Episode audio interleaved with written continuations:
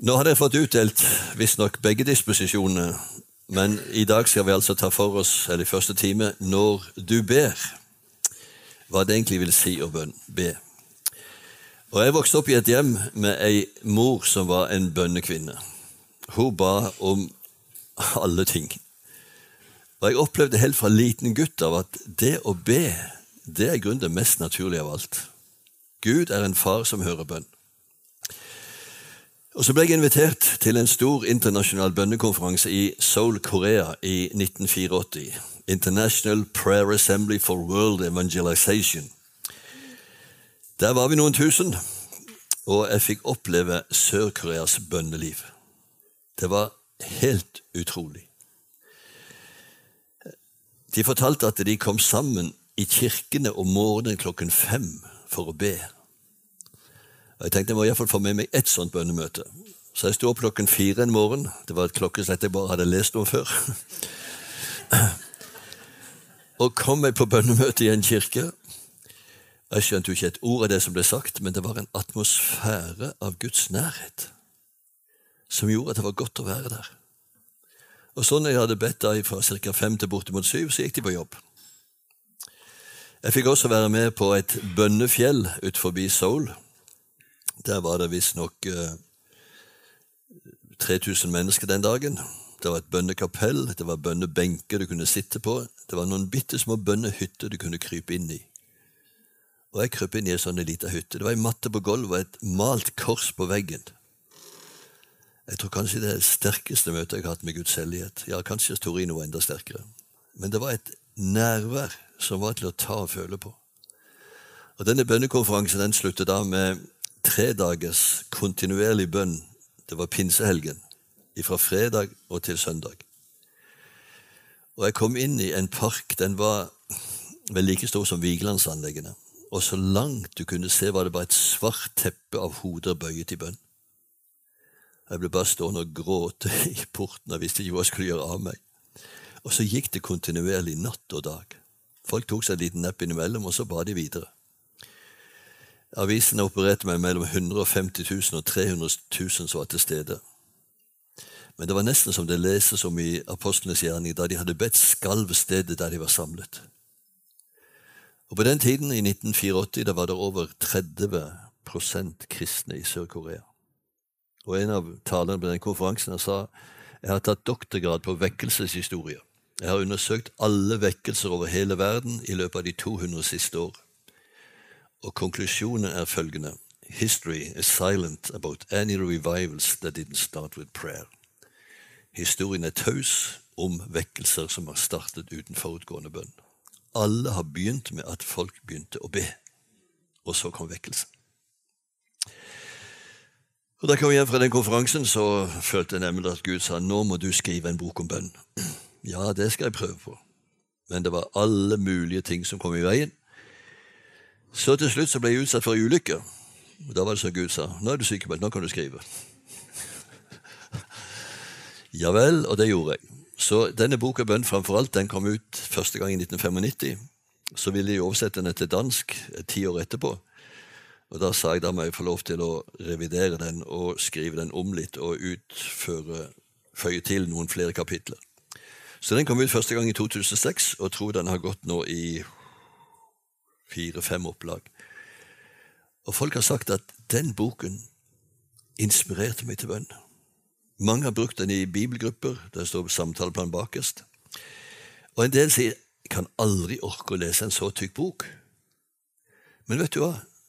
Jeg bruker oppbyggelsesbøker i min stille stund. Og så leser jeg kanskje åtte-ti sider.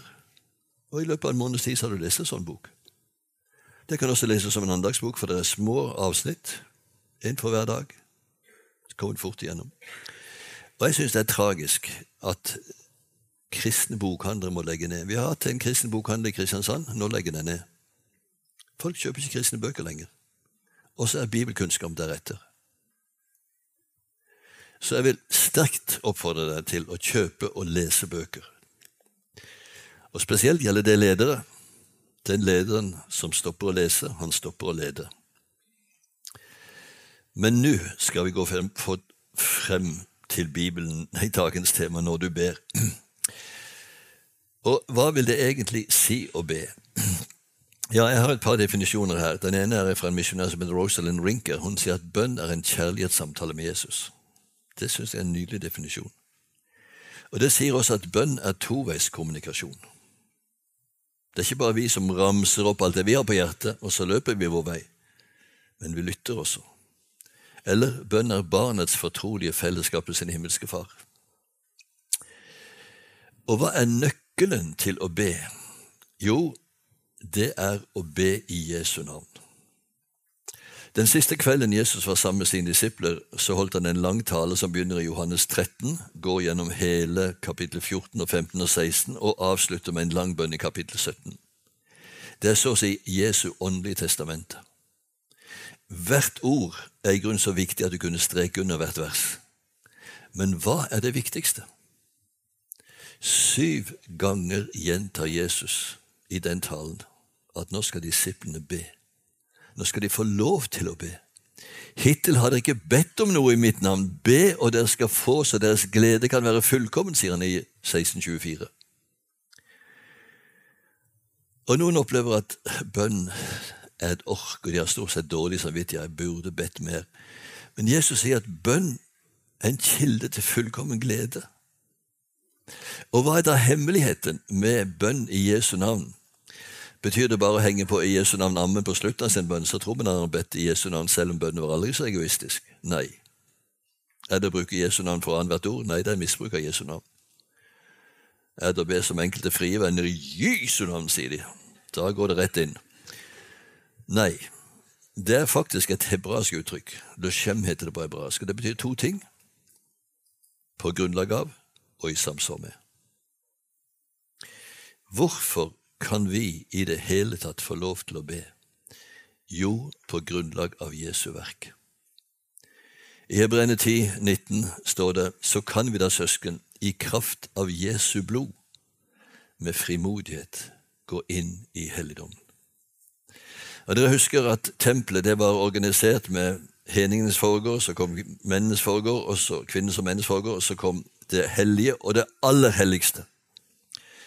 Og mellom det hellige og det aller helligste var det et tykt, tykt teppe, ti meter høyt.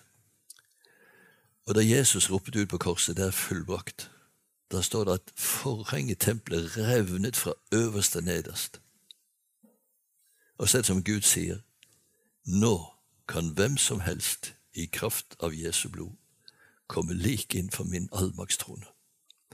Og så kan vi med våre svake, hjelpeløse hender røre ved den hånd som beveger universet. For et privilegium! For et privilegium. Det er ikke vår svette, det er ikke våre tårer, men det er Jesu blod som åpner adgang til Guds nådestrone. Vi får komme sammen med Jesus. For mange mange, mange, mange år siden var jeg på et møte der biskop Birkeli fortalte at han hadde talt på fellesmøter i Larvik. Og En dag så hadde han så lyst til å gå opp på dette store godset til Tresjov og se på det svære, flotte anlegget der. Men han kom til porten, og der sto det en portner og sa nei, adgang forbudt for uvedkommende. Hjalp ikke å være biskop, han kom ikke inn av den grunn. Så han tusla tilbake igjen der han bodde, hos en dame som tidligere hadde vært guvernante på godset. Og Der sto en flott bil ut forbi. Det viste seg at det var sønnen til Tresjov. Og han fortalte om sitt mislykkede besøk, og sønnen sa ja, men kjære deg, du kan bli med meg. Og En halv times tid etterpå så kjørte de opp til den samme porten. Portneren åpen på vid vegg, og han kom rett inn, fikk se alt han ville, og fikk til og med hilse på herregårdssjefen selv. Hvorfor det? Han kom sammen med sønnen, sa han. Det var hele forskjellen. og vi får komme sammen med sønnen i kraft av det han har gjort. Men så betyr også dette Leshem i samsvar med Jesu vilje. Og Johannes sier jo selv at dette er den frimodige tillit vi har til ham, at dersom vi ber om noe etter hans vilje, da hører han oss. Og dersom vi vet at han hører oss hva vi enn ber om, underforstått etter hans vilje, da har vi de ting vi har bedt om. Og Derfor er det så viktig å lære å kjenne Guds vilje. Og hvordan lærer vi å kjenne Guds vilje? Jo, først og fremst i Guds ord, men også ved å lytte til Den hellige ånd. For veldig ofte så kan Gud legge ned på våre hjerter det som ligger på hans hjerte. Ja, men står det ikke et eller annet sted i Bibelen 'be om hva dere vil, og dere skal få det'? Jo. Johannes 15, 7. Men det er alltid lurt å lese et bibelord i sin sammenheng. Og hva er sammenhengen? Dersom dere blir i meg, og mine ord blir i dere, da be om hva dere vil, og dere skal få det. For hvis vi blir i Jesu ord, forblir, blir værende og lever tett på Jesus, så vil vi mer og mer ville hva Jesus vil. Og da skal vi få det. Og så er det en bønn som Jesus alltid hører, og det er bønnen Kyrie eleison. Herre, miskunn deg over meg. Det var en blinde Bartimeus som satt og tigget ved Jeriko da Jesus kom. Og da han hørte dette følget som kom, så satt han i og ropte Kyrie eleison! Herre, forbarm deg over meg. Jesus danser. Før han hit til meg. Han får syn igjen, og han blir frelst. For Gud vil at alle mennesker skal bli frelst og lære sannheten å kjenne. Jeg har skrevet en liten bok her som heter Veien hjem. Det er rett og slett bare en ren evangeliseringsbok. Går gjennom Johannes 3, 16, men der har jeg også tre intervjuer, bl.a. meg som heter Sandy Mortensen. Dette var etter at hun ble kristen. Smilende, flott jente. Hun hadde prøvd absolutt alt for å finne fred. Og så blir mora kristen. Og det ble hun faktisk etter en gang jeg hadde fortalt om Torino-glede. Så kommer hun til eh, dattera og forteller dette. 'Jeg har blitt frelst.' Og Først blir Sandy sint, men hun må konstatere at det har skjedd et eller annet med mora. Hun er så annerledes. Det lyser ut av øynene på henne. Og så sier mora, Sandy, du har prøvd alt. Terapi, gestaltterapi, mindfulness, yoga, trening, reise, flytting, kostendring, kur osv. Men jeg ser du har det ikke greit. Hvorfor kan du ikke gi Jesus en sjanse? Og Så forteller Sandy at etter besøket tok jeg en dusj. Jeg hadde sett noe som mamma som aldri hadde vært der før. En utstråling av glede og noe vakkert som kom fra det indre. Og det tenkte jeg, det ville jeg også ha. Så ber hun da hun står i dusjen. Hvis du finnes, Jesus, hvis du virkelig er der ute, kom inn i hjertet mitt. Fyll det med det som mangler, og gjør det mykt. Jesus, hvis du finnes der ute.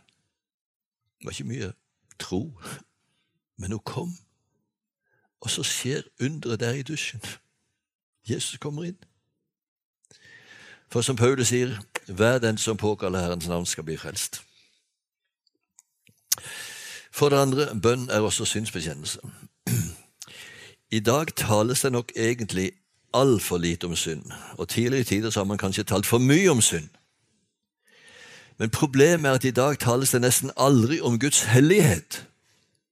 Det tales bare om Guds kjærlighet. Gud elsker deg, Gud er fullkomment fornøyd med deg, du er jo helt unik. Ingen annen er som du. Er det evangeliet? Langt ifra. Gud er en hellig Gud som ikke tåler synd.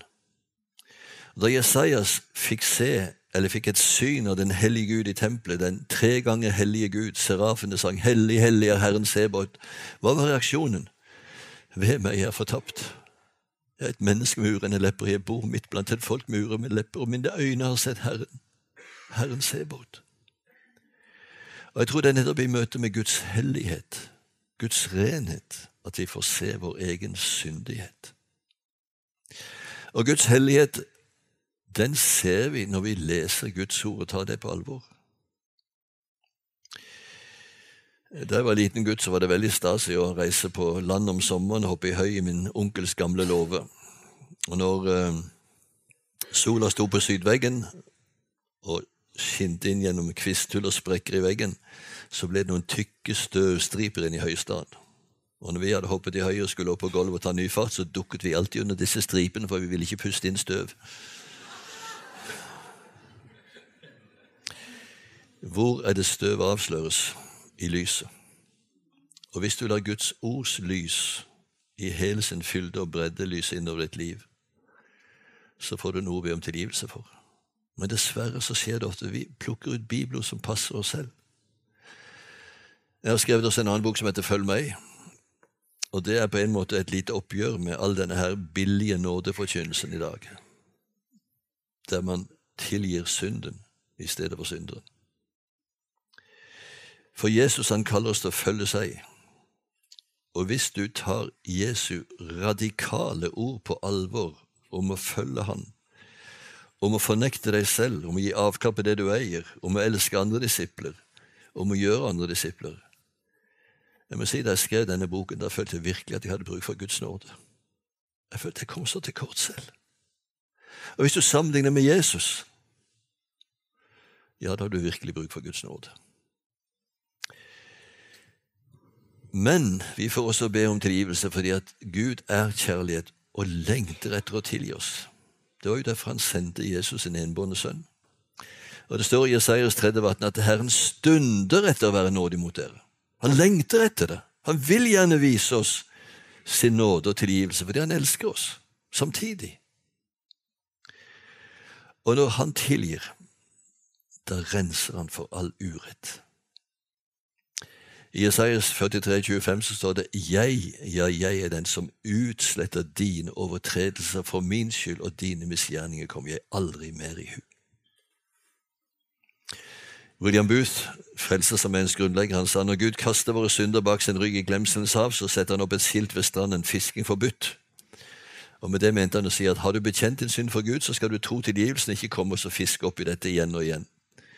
Men jeg tror at når du prøvde å fiske i glemselens hav, så ville du ikke få napp, for synden er slettet ut. Og derfor så må vi ikke bruke uttrykket at vi er benådede syndere. For det uttrykket forekommer ikke i Bibelen. Men vi er rettferdiggjorte syndere. Og det å være rettferdiggjort, det betyr å bli erklært for rettferdig. Uforskyldt av Hans nåde, står det i Romene 3. Før i tiden måtte konfirmantene pugge Pontoppedans forklaring til Luthers lille katekisme. Boken heter 'Sannhet til gudfryktighet'. Jeg har den hjemme. Nesten 100 000 eh, spørsmål og svar. Og stakkars de konfirmanter som ikke kunne svare på konfirmasjonssøndagen. De kunne regne med å stryke, og ble du ikke konfirmert, så ble du ikke gift. Så det var hårda but. Men på toppen har mange gode spørsmål og svar, og et av spørsmålene jeg tror det er nummer 496. Det lyder slik Hva er rettferdiggjørelsen? Svar. Det er at Gud ser på oss i Kristus som om vi aldri hadde syndet. Hva er benådning? Jo, det er at en forbryter som har gjort en grov forbrytelse, han slipper straffen etter så og så mange år. Han blir benådet. Husker dere f.eks. Anne Treholt-saken? Han fikk 20 års fengsel for landsforræderi. Han hadde utlevert norske statshemmeligheter til Sovjet og Irak. Han ble benådet etter åtte år. Han prøvde resten av livet å reinvaske seg, men det lykkes ikke. Og når vi tenker på han, å ja, det var han landssvikeren. Han beholdt forbryterstempelet. Men når Gud tilgir oss, da står vi rene, rettferdige og himmelen verdige. Just nå i verdens frelser. Nå må ikke jeg snakke meg bort, men jeg var talte på et møte for en tid siden der en mannskvartett skulle synge.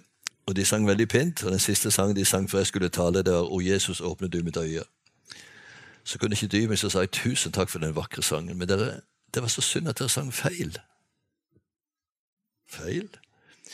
Ja, dere sang på siste verset 'O Jesus Krist, forøk meg troen at jeg må se din herlighet'.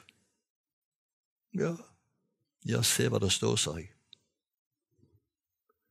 O Jesus Krist, forøk meg troen at jeg må se min herlighet.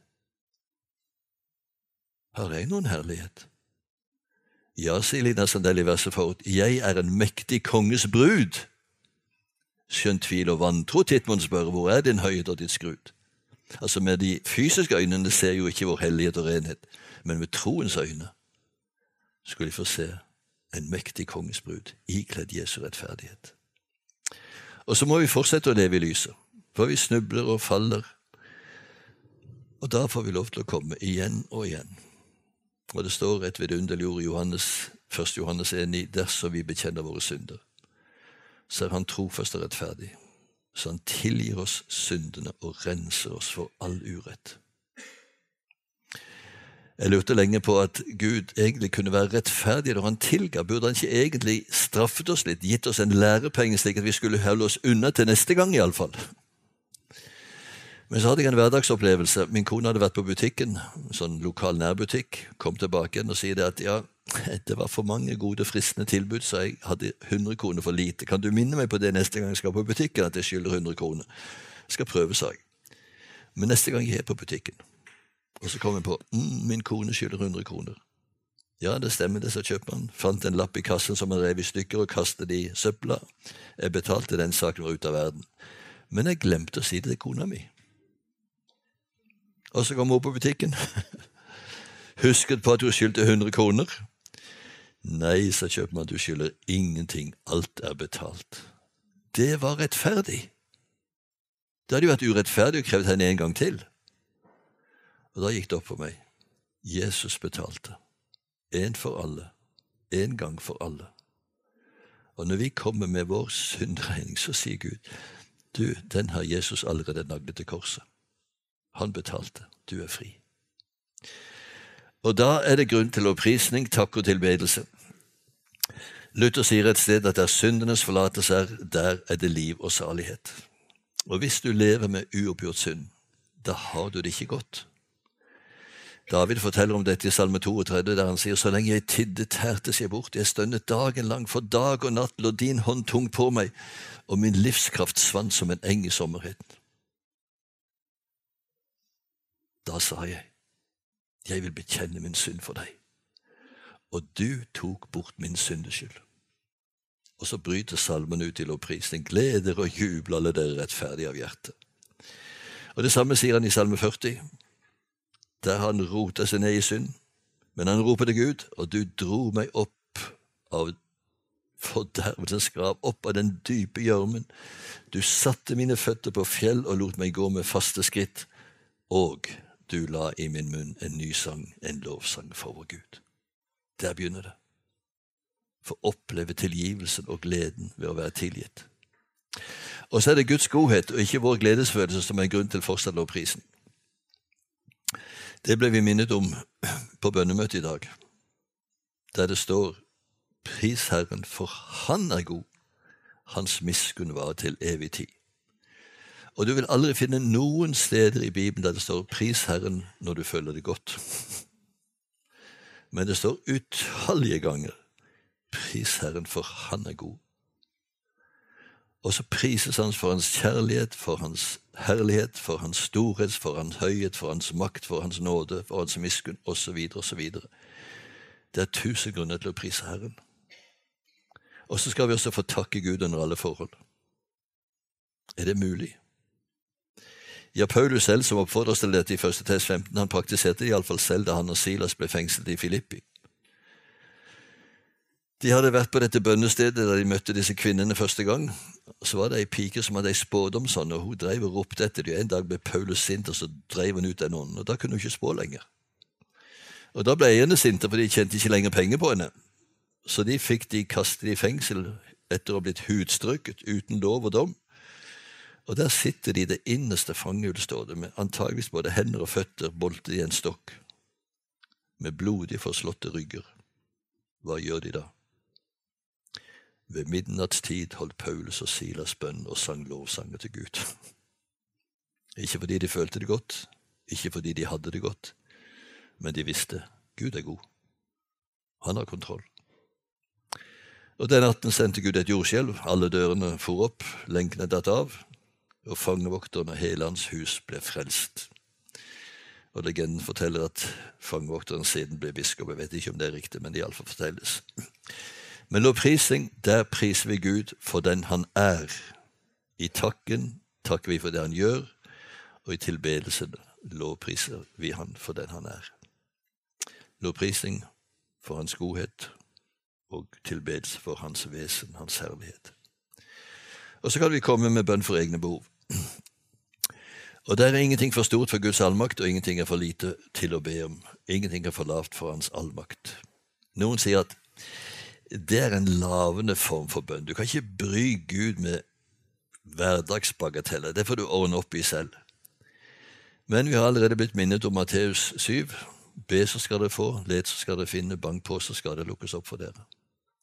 Og Jesus sier selv, når dere som er onde, vet å gi deres barn gode gaver, hvor mye mer skal ikke den Far der har i himmelen, gi gode gaver til den som ber han? Og Et av mine favorittvers er Filippene 4,6.: Vær ikke bekymret for noe, men la alt som ligger der på hjertet, stort eller lite, komme fram for Gud i påkallelse og bønn med takk. Og jeg snakker med Herren om bagateller. Og jeg tror at når vi lærer oss til at Herren også har omsorg for våre småting, så får vi frimodig be om større ting. Det må ikke bli sånn som to stykker jeg hørte om. De store prater sammen. Den ene klaget at nå er det virkelig så vanskelig for meg at jeg vet ikke andre år enn å be Gud om hjelp. Og stakkars deg sammen med vet, er det så ille? Jeg surrer bort nøkler. Jeg ber om å finne de igjen, og plutselig så er de der. Jeg ber om parkeringsplassene i byen. Plutselig svinger det ut en bil. Jeg kan bare kjøre inn, så er jeg parkometer betalt også. Jeg mister ikke troen om jeg ikke finner en men jeg pleier å si sånn disse guddommelige tilfeldighetene skjer mye oftere når jeg ber. Og Jeg hadde en nokså konkret opplevelse. Vi skulle på menighetstur til Hovden. Og så fikk vi vite at det falt snø på Hovden, og da måtte jeg skifte over til vinterdekk. Og mens jeg hadde skiftet over til vinterdekk i garasjen i Frikirka og kjørte oppover Elvegaten for dere som er kjent i Kristiansand, så plutselig var bilen død. Bom! Den skulle være i skjønneste orden. Jeg fikk slippe bilen ned på nærmeste bensinstasjon, og han gikk over motoren og sa men her ser jo alt ut til å være i skjønneste orden. Jeg sto og ba kjære Gud hjelp at han finner denne feilen, for jeg skal kjøre i forveien og varme opp hytta før de kommer. Jeg må kjøre så fort som mulig nå. Han klødde seg i hodet og skjønte ingen verdens ting. Alt ser jo ut til å være i skjønneste orden, sa han. Plutselig så er det en ung mann som stikker hodet mellom oss to som står og kikker i motoren. Og så spør han har dere problemer. Ja, motoren min døde plutselig. Så sier han skift den tenningsregulatoren som står der under venstre skjermen, så virker det sånn. Tenningsregulator, jeg visste ikke hva det var engang. Hvor, hvor, hvor ble han av? Men jeg sprang inn på og ringte, jeg hadde ikke med mobilen, og sånt, jeg ringte til Volvo. Eh, har dere tenningsregulator? Nei, dessverre, det må vi skaffe, men det kan vi ikke skaffe før til uka. Jeg må ha det nå, sa jeg. Beklager. Tenkte, hva gjør jeg nå? Men da jeg kom ut igjen, så sto det en Volvo ved siden av min bil, og han spurte hadde dere problemer. ja, det var en ung mann, jeg vet ikke hvor han ble av seg, men han sa at det var tenningsregulatoren som var røken. Jeg har en i hanskerommet mitt, sa han. Den er helt ny. Jeg trodde det var samme problem i forrige uke, så jeg kjøpte en ny en, han, men du kan få den. Satte den inn. Brunn! så var jeg på vei. Så lurte jeg på etterpå Du, den der unge mannen som plutselig forsvant, var det en engel? Var det en engel? Det var iallfall et bønnesvar.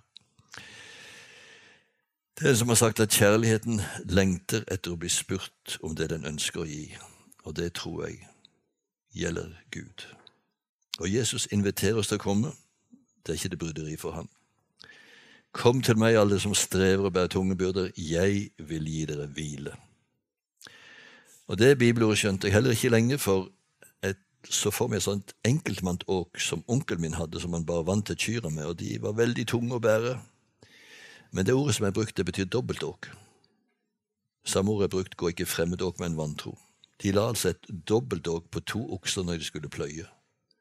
Og Da tok de igjen en stor, erfaren, sterk okse og satte sammen med en ung, uerfaren okse. Og så gikk de sammen under åket. Og da denne unge oksen ble litt trøtt og sliten, så dro den store oksen både plogen og den unge oksen, og han visste veien.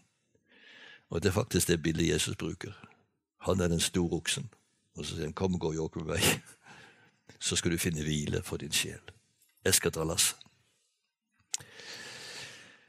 frykter så fort klokka går her. Formen for andre, det er også et stort behov. Når Paulus skriver til sin unge venn Timotius, så skriver han Nå formaner jeg dere fremfor alt. Av alt det viktige som du, Timotius, nå må påpasse som forstander for menigheten i Efesos, så må du sørge for at det blir gjort bønner, forbønner, påkallelser og takk for alle mennesker. Det er det viktigste. Og jeg tror at forbønnen den utløser i vår verden det Gud har bestemt i sin verden. En sann bønn opp til Gud har ofte først kommet ned fra Gud. Og Derfor er det så viktig når vi ber, at vi ikke bare ramser opp våre behov, men lytter og spør Gud, er det noe som ligger på ditt hjerte i dag? Er det noen jeg skulle be for? Er det noen jeg skulle besøke? Er det noe som ligger på ditt hjerte? Og Jeg skal ikke fortelle mange historier, det står ganske mange i denne boka her, men jeg har fått være med å redde liv fordi jeg våget å være lydig på den minnelsen Gud ga meg. At jeg måtte skynde meg over til naboen. Han sto klar til å henge seg, men jeg fikk stoppe han i siste øyeblikk. Og han hadde sagt, mens han sto der på en stol med løkker rundt halsen, Gud, hvis du finst, så stans meg nå. Og da ringer jeg på døren, for Gud hadde sendt meg. Eller det kan være sånn en bagatell som Ta så ring denne personen i dag. Her For en tid siden jeg har en bønneliste med en del navn, så var det akkurat som jeg følte et navn liksom blinka. Ring til den personen i dag. Og Jeg har en sånn tommelfingerregel at hvis jeg får en tanke, så kan den enten være fra meg, eller det kan være fra Guds ånd. Er den fra meg, så sier Jesus, bare la den forsvinne. Men er det fra deg, minn meg på det igjen og igjen. Og hvis dette kommer igjen og igjen og igjen, så har jeg funnet ut det svarer seg å være lydig. Så jeg ringte. Hallo, det er Oddvar, sa jeg. Oddvar? Se, for sjeldent. Hva har du på hjertet? Nei, jeg har ikke noe annet på hjertet enn å fortelle deg at jeg har blitt så minnet om deg i dag. Så jeg har bedt for deg. Hvordan har du det? Har du det godt? Jeg har det helt forferdelig, kom det en gråtkvalt stemme. Jeg tror Gud har glemt meg. Ja, da kan jeg få si en ting, sa Gud har ikke glemt deg, for hadde du hadde glemt deg, så hadde ikke minnet meg om å be for deg. Så det kan du ta ganske rolig så fikk vi en utrolig fin prat. Og så skriver hun tilbake en SMS etterpå. Du kan ikke tro hva den samtalen betydde for meg. Toveiskommunikasjon. Jesus ba for oss den siste kvelden. Han ba først for sine disipler, og så fra vers 20 så sier han, Jeg ber ikke bare for dem, altså apostlene, men jeg ber også for dem som ved deres ord kommer til tro på meg. Og en gang jeg leste den øverste prestelige bønnen, så slo det ned i meg. Den kvelden var også jeg med i Jesu bønn. For jeg har kommet til tro på Jesus ved apostlenes ord. Og så står det at Kristus Jesus er den som døde, ja, mer enn det, han som sto opp igjen og sitter ved Guds høyre hånd, og han ber for oss. Roman 8, 34. Eller som hebreerbrevet sier, han lever alltid for å gå i forbund for oss. Du har altså en forbedrer i himmelen som daglig ber for deg. Og hvis det er noen som Gud Fader måtte høre på, så må det være hans egen sønn. Vi ser også noen eksempler på forbund og håndsbeleggelse. Og jeg tror faktisk at noen ganger så kan denne forbund med håndsbeleggelse så å si formidle Guds kraft. Jeg har stort sett kalde hender fordi at jeg er litt sånn stresset i nakken. Men jeg har opplevd noen ganger å ha bedt for syke. Å, det ble så varmt! Det ble så varmt. Ja, men kjenn på hånda mi. Iskald. Tror det er Guds kraft. Bare for en som hadde hjerteproblemer. Han sa 'Å, det ble kokende varmt', sa han. En stund etterpå så fikk jeg vite at han blitt helbreda. Så jeg tror Gud kan rett og slett kanalisere sin kraft på den måten. Og i denne boka det blir det mye anbefalinger, skal du se. Gud helbreder oss i dag. Så skriver jeg en del om de ulike måter som Gud helbreder på. Både ved nådegaver, ved håndsbeleggelse, ved salving med olje, ved kunnskapsord osv. osv. Og her er det mange vitnesbyrd om hvordan Gud griper inn og helbreder også i dag. Jeg tror også at vi kan be om utrustning, formidle Guds kraft på den måten. Paulus skriver til Timotius i 1. Tim 4,14.: Forsøm ikke den nådegaven du har, den som du fikk på grunnlag av profetisk ord, da de eldste eller eldsteåde la sine hender på deg. Og flere kan bevitne at de fikk rett og slett en gavefunksjon ved konkret forbund. Og En tredje måte som vi kan bruke forbund med håndspåleggelse, det er ved skriftemål der vi altså tar imot synsbekjennelse og tilsier synsforlatelse i Faderens, Sønnens og Den hellige ånds navn. Jeg ble kontaktet av en eldre mann for en tid siden, og han ville så gjerne ha en prat. Jo da, jeg stakk innom han og spurte hva han hadde på hjertet. Jeg er så redd for at jeg ikke når frem til himmelen, sa han. Og jeg ble nesten litt sånn sjokka. Han som hadde vært så aktivt med i bedusets virksomhet og vært med i det ene og det andre, nå hadde han kommet i tvil om han skulle nå frem til himmelen. Men jeg visste jo ikke det. Det er jo ikke et engasjement i bedehus som frelser oss. Men jeg spurte hva som gjør at du har fått sånn en anfektelse nå for dette. Det er noe som ikke har fortalt til noe menneske før, sa han. Men jeg har begått to synder som jeg aldri får fred for, er tilgitt. Og når det som Satan angriper meg og sier 'du som gjorde det, du som gjorde det', du kommer aldri inn.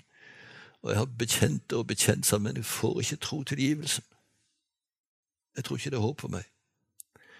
Så sa jeg nå skal du få bekjenne dette en gang til, høyt for Gud og for meg. Og så skal jeg på Jesu Kristi vegne ut ifra Guds ord og løfte tilsi deg syndens forlatelse i Faderens, Sønnens og Den hellige ånds navn. Og så skal du vite at fra nå av, dette klokkeslettet, denne datoen, ble denne synden kastet i glemselens hav, og Gud kommer den aldri mer i hu. Og Han bekjente og la hendene på hodet hans og tilsa han syndens forlatelse. Gamlemannen gråt som et lite barn. Og så sier han etterpå, når han omfavner meg, dette er den lykkeligste dagen i mitt liv. Jeg tenker dette må vi benytte mer. Gå og bekjenne synd for et annet menneske få tro at du er tilgitt. Og Hvis du løfter dette frem i lyset, så vil du så ikke miste noen av lysten til å synde også. Klagebein for det sjette. Guds barn har lov til å klage. Selv om det står at vi skal lovprise og takke Gud under alle forhold, så har vi også lov til å klage. Og hvis jeg ikke husker feil, 68 av Bibelens 150 salmer er klagesalmer. Og en periode av mitt liv som jeg hadde det forferdelig vanskelig, så var det utrolig godt å kunne be disse klagebønnene når jeg selv ikke fant ord for min smerte. Og salmistene de er så ærlige. Hvorfor sover du, Gud? Våkn opp! Se til meg! De roper i sin smerte. Og jeg tror det kan være like mye tro i klagebønnen som i tilbedelse, hvis vi bare går til Gud med det. Og så er det så godt å vite at vi har en å klage til som forstår. En som har prøvd i alt i likhet med oss, dog uten synd. Og Hebreerbrevet 5,7 forteller at da Jesus levde som menneske, så bar han fram bønner og nødrop med høye skrik og tårer til han som kunne frelse ham fra døden. Og det tenker siktet til Gesemanhagen. Der forteller legen Lukas at Jesus kjempet så hardt i bønn at svetten falt som blodstråper til jorden. Og Dette fenomenet som på medisinsk kalles for hematidrosis, bloddrypping, det oppstår når et menneske er i en slik angst og nød at hjertet banker med en slik kraft at blodet presses ut i huden, og blod kar brister, og blod og svette blandes, og det ser ut som de svetter blod. Hva er det Jesus ber om? Far, er det mulig, la dette beger gå meg forbi.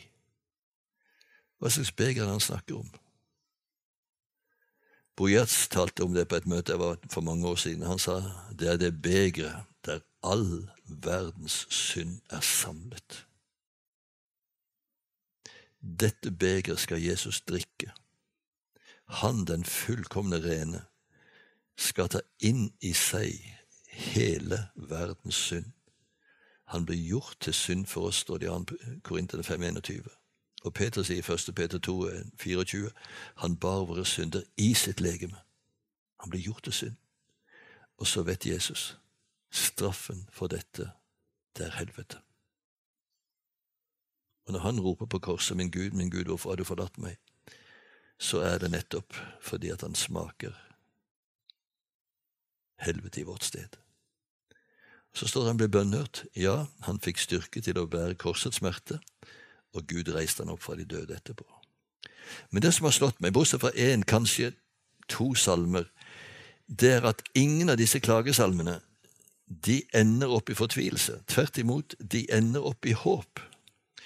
Og La meg ta en enkel, liten salme 13 den er ganske kort. Den begynner med Hvor lenge, Herre, vil du glemme meg for alltid? Hvor lenge vil du skjule ansiktet for meg? Hvor lenge skal jeg ha uro i sjelen og i sorg i hjertet hele dagen? Hvor lenge skal fienden ha makt over meg? Se meg, svar meg, Herre. Gi mine øyne lys og ikke sovne inn i døden. Slik holder han på. Men i siste verset Men jeg setter min lit til din miskunn. Mitt hjerte skal juble over din frelse.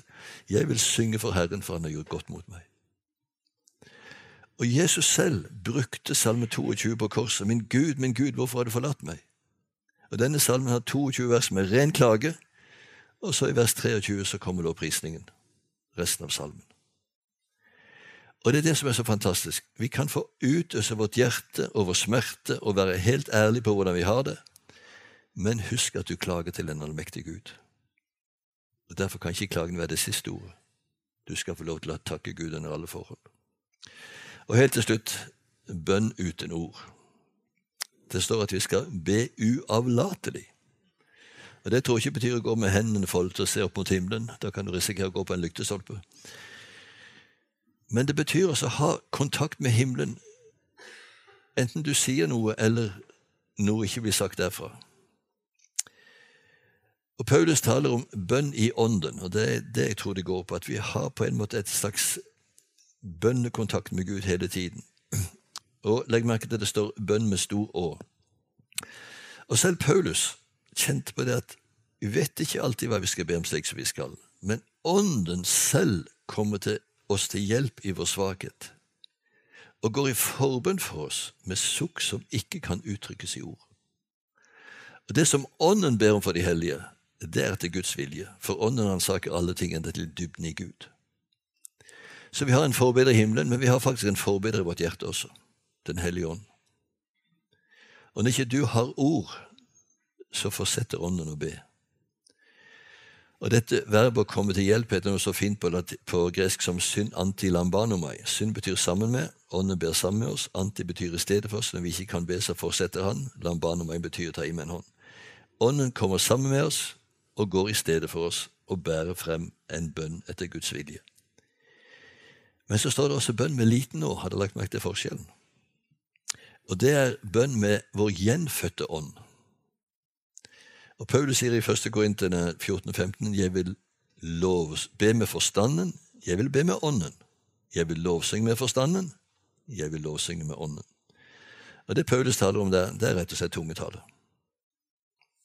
Og tungetalen, det er en nådegave som utvider vårt bønnespråk både i dybde og høyde. Eller kanskje skulle med høyde og dybde. Jeg vet ikke om du noen ganger har opplevd å være i Guds nærhet, og det har vært så salig at du føler at alle dine norske ord, det er bare bleike uttrykk for hva du egentlig føler. Takke deg, prise deg, love deg, opphøye deg, tilbe deg. Åh, jeg skulle ønske jeg kunne si det enda større. Og så kan du få lovsynge med Ånden. Sette ord på disse Åndens usigelige sukk. Eller noen ganger så vet du ikke hva du skal be om. Det er bare smerte. Det finnes ikke ord. Og så får du utøse din smerte i et språk som bare Gud forstår. Men du kjenner det lettere. Skal alle kristne tale i tunger, er jo spørsmålet vært mye diskutert. Paulus takker Gud for at han taler mer i tunger enn alle, ønsker at alle gjorde det, og konstaterer at ikke alle gjør det. Men jeg tror kanskje flere kunne våge det.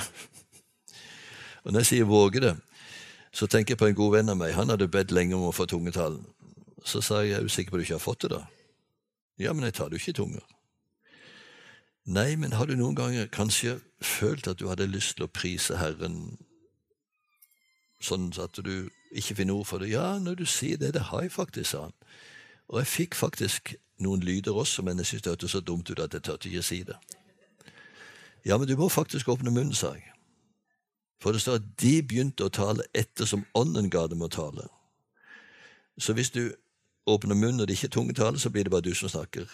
Men hvis Ånden prøver å tilskynde deg, og du ikke åpner munnen, så blir det heller ikke tungetale. Så hvis du en annen gang kanskje kjenner på dette, så rett og slett sett lyd på. Kom han etterpå så fortalte han hadde vært ute en kveld, det vært en fantastisk solnedgang. Så tenkte han det er Gud som har skapt alt dette vakre, og han er min far. Og så kom det et ord, jeg tror det var en av Gud. Og før han visste ordet, så sto han og priste Gud i tungen. Noen opplever at de får dette veldig sånt, nesten som et fullferdig språk. Jeg tror for de aller fleste så begynner det nesten som når barn pludrer. Noen lyder, ikke språk i det hele tatt. Noen få ord etter hvert, og så kan det bli et språk. Og noen ganger så kan Gud faktisk gi et språk, et kjent språk, på et kjent språk som folk forstår, men vanligvis så må tungetallet tydes. Og den som tyder, forstår ikke hva som blir sagt, men han får tydningen. Og det kan også bli å formidle et budskap til forsamlingen. Jeg ser jeg må stoppe der. Nå begynner de å stette ut både grøt og saft og litt av hvert. Går ikke an å konkurrere med det. Men vi kan be en liten bønn. Herre, takk for det privilegium du har gitt oss, at vi skal få komme frem for deg med alt som ligger oss på hjertet. Du hører ikke på våre ord og våre formuleringer, men du ser til hjertet. Og så er det ingenting som er for stort for din allmakt, og ingenting som er for lite for din faderlige omsorg. Så gi oss, Herre, frimodig til å komme til deg med alle ting, og få erfare at du er en Gud som bryr deg. Takk, Jesus, for muligheten. Takk for hver enkelt som har kommet hit. Og jeg ber at dette vi skal ha for oss i dag, kan bli til inspirasjon, fornyelse, fornyet tro og frimodighet i bønnens verden. Amen.